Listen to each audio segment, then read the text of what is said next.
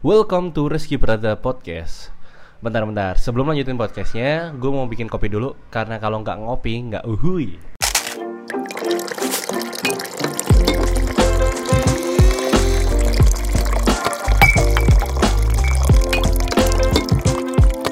Oke, balik lagi ke Rizky Prada Podcast. Podcast kali ini gue akan balik ke topik yang banyak banget di request oleh teman-teman Yaitu soal Shutterstock. Nah, Shutterstock nih sebenarnya udah lama gue bicarain ya. Eh, paling enggak sekitar setahun udah ada lah dari 2000 sabar ya. Uh, 2020 maybe gue sering sharing di Instagram. Gue sering sharing juga di eh, blog gue dan sekarang gue coba untuk sharing juga eh, dalam versi podcast. Karena kenapa sih di versi podcast? Karena gue berpikir eh, versi podcast tuh lebih enak ngobrolinnya dibandingkan gue ngomongin lewat tulisan ya. Ya uh, ada ininya lah, ada ada perbedaannya lah tentunya ya. Cuman gue mau coba ngomongin um, soal Shutterstock lewat podcast. Topik yang akan gue ambil pada podcast kali ini adalah uh, topik yang agak hot nih di kalangan teman-teman yaitu alasan mengapa akun Shutterstock di disable atau di ban. Jadi banyak banget uh, apa namanya banyak banget permasalahan-permasalahan di Shutterstock. Dan yang paling lagi tren sekarang sekarang adalah eh, di akun di disable tanpa ada pemberitahuan tanpa ada alasan yang jelas gitu. Jadi banyak banget nih yang mengalami hal ini. Tulisannya uh, yaitu di this account has been disabled please contact your organization administrator or Shutterstock contributor support. Jadi pas akunnya ditutup atau di disable ada tulisan kayak gini. Jadi kayak tiba-tiba aja ada kayak gitu dan akunnya tidak bisa diakses pendapatnya juga di pasti akan langsung di cut jadi uh, portofolio portofolionya hilang pendapatnya hilang terus ya banyak lah intinya saat akun stoknya itu udah nggak bisa diakses sama sekali. Itu sangat merugikan gitu loh. Apalagi tanpa ada alasan yang jelas dan uh, pemberitahuan apa pun itu jadi gue pengen coba bahas uh, topik kali ini yang seharusnya mungkin lebih enak gue bahas berdua kali ya. Cuman kayak ini gue coba untuk bahas dari perspektif gue sendiri kurang lebih seperti apa. Karena ada satu temen gue yang dari komunitas yaitu komunitas uh, Microstocker Yogyakarta uh, di bawah naungannya Mas Munir nih ada salah satu temennya uh, temen-temenku di uh, di komunitas tersebut bahwa dia kehilangan uh, akun dia di portofolio di atas 5000 dengan penghasilan rata-rata bulannya udah di atas 100 100 dolar per bulan gitu. Jadi di band tanpa yang hal yang jelas uh, jadi itu bikin kita satu komunitas mungkin agak was-was sedikit ya terkait terkait apa namanya terkait kebijakan yang tiba-tiba ngebanet gitu. Bahkan nggak sampai di situ nih um, gue sempat menemukan bahwa beberapa akun dari teman-teman yang baru aja daftar langsung di banned langsung dari langsung di disable oleh Shutterstock jadi ini gue agak agak apa ya agak hmm, bisa dibilang kesempatan untuk teman-teman yang mau memulai di Shutterstock itu jadi agak berkurang karena tidak semua akun sekarang di approve jadi kalau dulu dulu itu semuanya di approve, sekarang tuh nggak nggak nggak semuanya di approve. Jadi ya nggak enak akhirnya gitu loh. Uh, untuk teman-teman yang pengen baru mulai nih di tahun ini atau mungkin uh, baru mau mulai itu agak uh, apa ya nggak nggak enak ya karena untuk memulainya tiba-tiba bisa di disable padahal udah satu dua dua di approve tapi tiba-tiba di disable tuh jadi kayak kurang enak. Jadi gue coba untuk uh, ngomongin perspektif gue di kali ini di satu uh, di podcast kali ini terkait hal tersebut. Kenapa? Alasannya apa? Uh, gue coba untuk riset uh, dan gue coba untuk cari uh, saran sa gue coba kasih saran-saran apa aja yang ada di di di apa namanya di yang ada dalam pikiran gue ya kalau teman-teman pengen mulai atau uh, yang udah mulai dan pengen ke depannya gimana biar nggak ke disable jadi yang pertama kali gue pikir justru uh, alasannya adalah satu adalah spamming foto. Ini buat teman-teman yang ngedesain ya, eh untuk teman-teman yang suka uh, untuk yang mau jualan foto. Jadi gue lebih condong ke jualan foto. Kalau untuk yang desain gue kurang tahu karena gue kurang punya pengalaman di situ dan kebetulan gue tidak jualan desain juga di akun gue jadi gue tidak begitu paham tapi gue cukup paham untuk uh, yang di bagian foto. Jadi gue akan coba memberikan perspektif gue kalau teman-teman mau jualan foto atau video karena gue berkecimpung di hal itu. Jadi yang pertama adalah uh, spamming foto. Spamming foto itu ibarat kata kita mau jualan uh, Shutterstock, uh, tapi uh, foto yang kita submit itu hampir-hampir mirip tuh banyak. Jadi mungkin kita shoot satu satu adegan atau satu satu satu objek, tapi dengan sudut pandang angle yang sama dan kurang lebih sama, cuman kegeser dikit doang di bagian fotonya. Nah itu namanya similar foto atau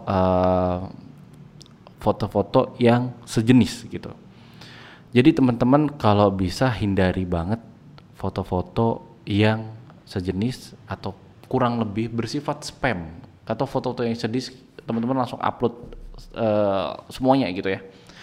Ya walaupun ada seleksinya sendiri sih dari Shutterstock untuk uh, similar foto itu tidak akan semuanya dia approve. Tapi kalau menurut gue jangan jangan terus itu jadiin alasan buat teman-teman untuk spamming foto-foto sejenis.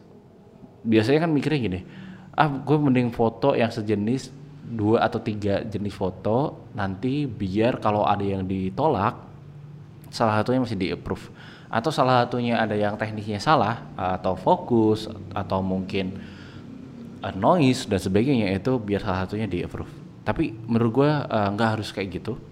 Jadi better untuk teman-teman seleksi dulu di awal uh, foto-foto yang kemungkinannya ada similar similar fotonya. Jadi mending diseleksi di take out dulu, bisa di delete atau bisa dimasukin ke folder yang duplicate. Jadi biar lebih enak dan teman-teman nggak kesannya nggak spamming di Shutterstock. Karena gue punya pengalaman pribadi ya di Adobe Stock gitu kan. Gue coba untuk upload, uh, menggunakan cara yang gue lakukan di Shutterstock dengan cara mengupload masal foto-foto yang hampir mirip dan ternyata malah justru di ban jadi akun gue Adobe Stock gue sempat di disable karena dinilai spamming karena banyak banget uh, similar image. Jadi Adobe Stock juga bilang kalau bisa sih foto-foto yang sejenis itu 2 sampai 3 option aja. Jadi nggak banyak gitu loh. Jadi sejak itu gue coba untuk sebelum upload di mana pun itu even di Shutterstock yang punya select uh, kemampuan selektif yang bagus ya seleksi yang bagus ya itu gue coba untuk take out dulu nih yang hampir-hampir mirip. Jadi gua nggak mau dinilai spamming juga karena sempet ada kalau nggak salah di grup uh, Microstocker kontributor Indonesia atau di grup Facebook pokoknya itu ada yang memberi tahu bahwa Shutterstock menghapus kontennya atau disable kontennya karena dianggap spamming. Jadi gue kurang tahu gimana uh, apa namanya uh, itu terjadi ya uh, terkait kenapa akunnya itu dinilai spamming gue juga kurang tahu. Cuman berarti ada kemungkinan bahwa spam foto itu jadi alasan untuk di banned gitu. Oke okay. itu satu. Nomor dua adalah foto yang menjiplak karya orang lain gitu. Uh, teman-teman mungkin sebenarnya foto tuh susah ya untuk dijiplak ya. Karena kalau teman-teman pure foto sendiri itu itu biasanya mengabadikan momen kan, mengabadikan waktu dan momen. Jadi susah untuk sama gitu. Dan master filenya mesti berbeda gitu. Tapi bisa jadi kalau teman-teman misal ngedownload foto nih di Google atau di situs-situs foto gratisan ya, stok foto gratisan seperti Pexels atau Unsplash itu bisa jadi uh, apa namanya? akan di banned ya bukan bisa jadi sih pasti akan di banned nantinya gitu loh karena ya itu kan bukan uh, punya teman-teman ya itu punya orang lain dan udah jelas-jelas diupload di situs orang lain uh, di situs lain dan apa namanya diupload kembali di Shutterstock. Gue gue percaya sih Shutterstock punya sistemnya sendiri untuk dikoneksikan uh, metadatanya dengan metadata yang ada di Unsplash ataupun Pexels atau stok stok foto yang gratisan. Jadi mereka tuh udah punya sistem tersendiri yang terintegrasi gitu. Jadi mereka tidak saling super apa tidak saling uh, menyerang satu sama lain. Jadi mereka pasti tahu lah ini mana yang foto yang ngejiplak, mana yang foto yang nggak ngejiplak gitu. Jadi jangan pernah ngupload foto ulang dari teman-teman kalau nemu di Google, Pixel, Express ataupun lainnya gitu ya. Jangan pernah. Kemudian teman-teman eh, itu alasan kedua. Yang ketiga, gue juga bisa bilang bahwa kalau teman-teman udah pernah ngupload foto di platform lain, misal teman-teman punya blog atau punya hmm, website lah, ya terutama blog atau website di dan mungkin udah pernah diupload juga di Unsplash atau Pexels dan di approve atau diupload dengan kualitas yang HD yang benar-benar master filenya yang HD banget.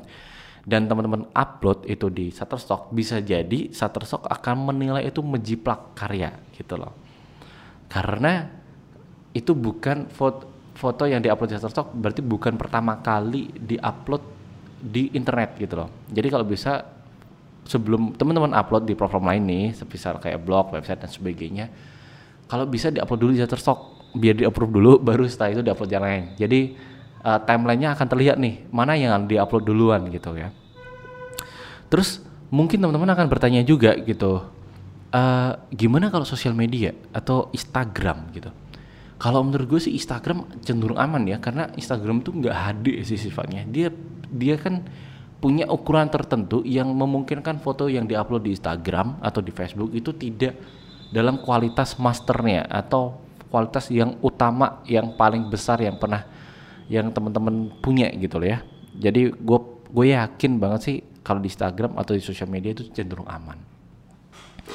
Jadi ingat foto bisa jadi foto yang pernah diupload di platform lain itu jadi alasan untuk di ban. Oke. Okay. Selanjutnya adalah akun sudah lama tid, uh, tidak aktif atau akun yang nggak ada perubahan sama sekali. Misal pendapatnya tidak bertambah atau mungkin um, tidak pernah ada karya-karya baru yang masuk gitu. Itu bisa jadi di ban gitu ya. Karena gue juga men, uh, menemukan fenomena ya salah satunya juga ya bahwa banyak banget kontributor kontributor di Indonesia terutama dia bikin akun dia cuma bikin akun tapi nggak pernah dipakai. Karena bingung. Atau mungkin diupload sekali ngupload ditolak langsung nih. Ditolak kayak nggak kayak wah ini gue susah ya ternyata upload Shutterstock ya. Ditolak dan akhirnya menyerah. Dan akhirnya akun itu terbengkalai. Yang akhirnya jadi akun kontributor yang non aktif alias sampah-sampahin memenuhi database mereka gitu loh. Jadi akun-akun ini dianggap spam juga gitu loh. Terutama di Indonesia tuh banyak akun yang kayak gitu. Kenapa gue bisa bilang kayak gitu? Karena gue tuh punya banyak referral yang udah di dead aktifkan oleh Shutterstock karena portofolionya masih nol. Dan ketika di-upload di uh, di dibuka kembali atau alias punya semangat-semangat lagi nih untuk uh, untuk upload di Shutter, uh, Shutterstock lagi, akun mereka nggak bisa diakses gitu dan kita banyak yang tanya mas akunku nggak bisa diakses sih kenapa ya? Gitu ya. Aku ya, sederhananya cuma kutanya kamu udah pernah bikin sebelumnya? Udah udah pernah upload. Iya ditolak. Terus saya tinggalin tuh sebulan dua bulan mas. Habis itu saya coba lagi nih terus udah diaktifin dulu. Jadi sayang banget nih kalau temen-temen udah udah bikin akun terus nggak dipakai dan akhirnya terbengkalai nggak ada portofolio sama sekali terlebih ya untuk yang portofolio masih nol itu pasti akan langsung uh, Shutterstock akan meng menganggap itu spamming gitu loh. Jadi akun yang sudah lama tidak aktif dan portfolio masih nol, cuman bikin langsung ditinggalin, itu bisa menjadi alasan kenapa akun Shutterstock teman-teman di ban atau tidak diaktifkan. Oke, okay. ada satu uh, kelima nih, alasan kelima ya, uh, yaitu teman-teman memiliki akun lebih dari dua di Shutterstock Nah, ini juga jadi masalah nih gitu ya. Sebenarnya mungkin tidak masalah sih untuk akun itu, cuman asalkan nggak ketahuan salah terstok ya. Jadi gini, um, di Shutterstock itu ada tulisan uh, di TOS-nya atau di term of service-nya dia bilang bahwa you may not submit identical content or more than one account without the prior written consent of Shutterstock. Intinya bahwa teman-teman jangan pernah mengupload foto yang hampir mirip dengan dua akun yang berbeda dan itu sama-sama akun teman-teman. Atau bisa dibilang jangan bikin akun yang mirip-mirip untuk mengkelabui biar nggak similar image gitu ya itu pasti akan di ban jadi jangan pernah punya kalau bisa punya akun satu aja gitu ya. Jangan lebih dari satu gitu. Kecuali nih kecuali nih teman-teman gue gue sempat berpikir gini kalau buat prinsip gue ya untuk dalam mengupload foto di Shutterstock atau berkarya di Microstock itu jangan pernah menggabungkan antara foto dan vektor dalam satu akun. Kenapa begitu? Karena vektor itu kecenderungannya bandnya itu lebih gede. Karena kit, vektor itu kan gimana ya? Itu kan desain semua orang bisa desain ya. Mungkin desain-desain sederhana juga bisa di-approve. Cuman pertanyaannya kan pasti akan banyak banget orang di luar sana, bahkan di dunia yang bergabung uh, sebagai kontributor di Shutterstock itu mengupload konsep dan ide yang sama. Terus ketika mereka coba cari, lah kok mirip, kok nggak nggak jauh beda ini desainnya. Padahal sebenarnya kita juga nggak berniat untuk mirip-mirip desainnya ya. Cuman AI-nya Shutterstock itu bisa mendeteksi itu. Jadi ini seolah-olah desainnya sama dan wah ini harus di take out nih salah satu gitu kan. Ini di di ban karena duplikasi atau uh, apa namanya ngambil karya orang lain tanpa seizin gitu. Padahal kita benar-benar bikin sendiri itu dan ya akhirnya uh, apa namanya di ban gitu loh. Dan lebih parahnya lagi kalau teman-teman mencampurkan karya fotonya yang sebenarnya tidak ada masalah terus menyampur, menyampurkan itu dengan vektor yang mungkin punya kemungkinan besar punya masalah lebih gede jadi satu dan ketika satu akun itu di, di ban atau di disable ya akhirnya semua karyanya baik foto video yang sebelumnya tidak punya masalah di ban gara-gara vektor satu vektor gitu loh. Karena Shutterstock tuh gak mau ngeban satu karya doang setahu gue ya. Mereka nggak nggak mau tuh ngeban satu karya doang. Oh ini karya ini mirip nih harus di take out nih gitu. Enggak mereka kalau menemukan identical identical submission atau mungkin uh, plagiasi dan sebagainya itu mereka akan ngeban satu akunnya gitu loh. Jadi uh, sangat disayangkan banget sih kalau teman-teman uh, uh, di ban gara-gara uh, vektor pada foto-foto teman-teman nggak ada masalah. Jadi sebisa mungkin dipisah. Benar-benar dipisah. Nah tipsnya kalau dipisah gimana nih?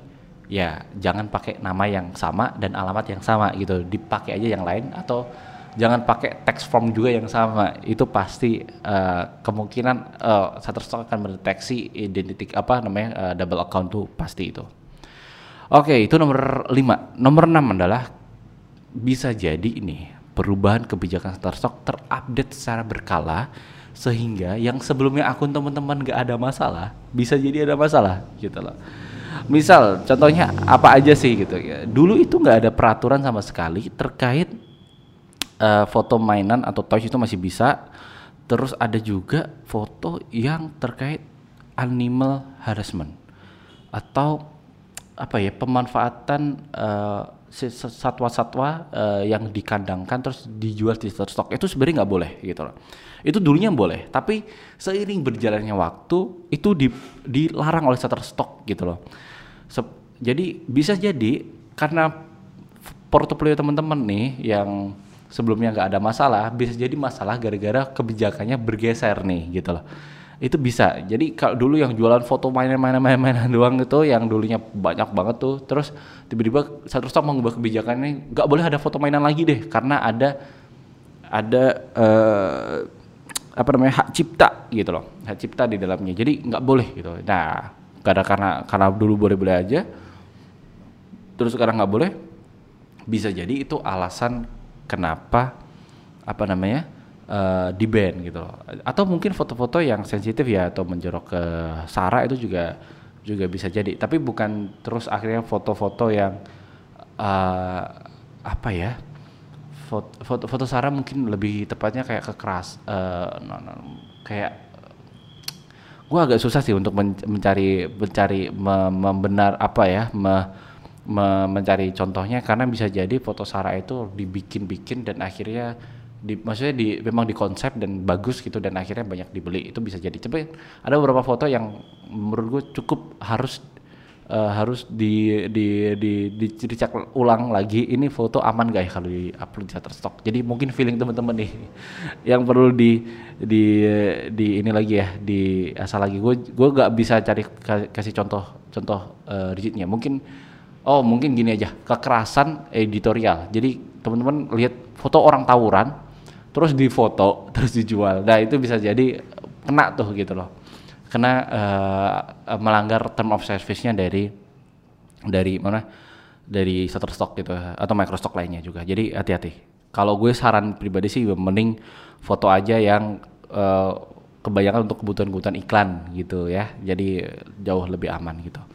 Intinya sih banyak banget sih yang sebenarnya teman-teman bisa pelajari uh, terkait term of service-nya di Shutterstock. Uh, gue udah coba kasih link di dalam uh, postingan blog gue sebelumnya. Nanti teman-teman bisa cek, nanti bisa diri cek aja uh, terkait alasan-alasan biar teman-teman gak di ban.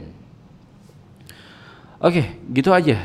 Uh, berharap semoga podcast uh, kali ini bisa sedikit mencerahkan teman-teman terkait terkait apa namanya terkait kalau teman-teman pengen ber, berkarya sebagai microstock contributor ini menurut gue masih ongoing untuk become a trend. Uh, belum ada trend centernya ke, kebetulan. Maksudnya belum ada orang yang kayak Ata Gledek ataupun Eh, orang-orang yang kaya dari Shutterstock ataupun itu belum belum belum keluar nih dari Indonesia gitu. Sebenarnya ada banyak, cuman mereka nggak mau sharing aja.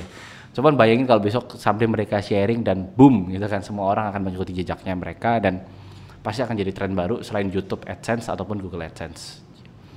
Ya, gitu aja. Semoga bermanfaat. Uh, kalau semisal ada pertanyaan, teman-teman bisa tanyakan di DM Instagram. Gue pasti bales. Kalau semisal tak pertanyaannya uh, teknis gue pasti bales yang penting jangan tanya-tanya yang aneh-aneh lah. Gue gue usahain bales uh, eh, DM Instagram di @reski11 atau mungkin juga kunjungi di blog gue di reskiprada.com atau mungkin email juga boleh di hi@reskiprada.com Oh ya, sekalian promosi kalau teman-teman butuh mungkin pengen les atau mungkin bikin kelas uh, kerja sama kelas bikin kelas nih soal terusok, feel free DM gue, gue sering banget ngisi um, apa namanya ngisi kelas-kelas terkait Shutterstock seperti apa. Oke gitu aja. Thank you semuanya. Semoga bermanfaat.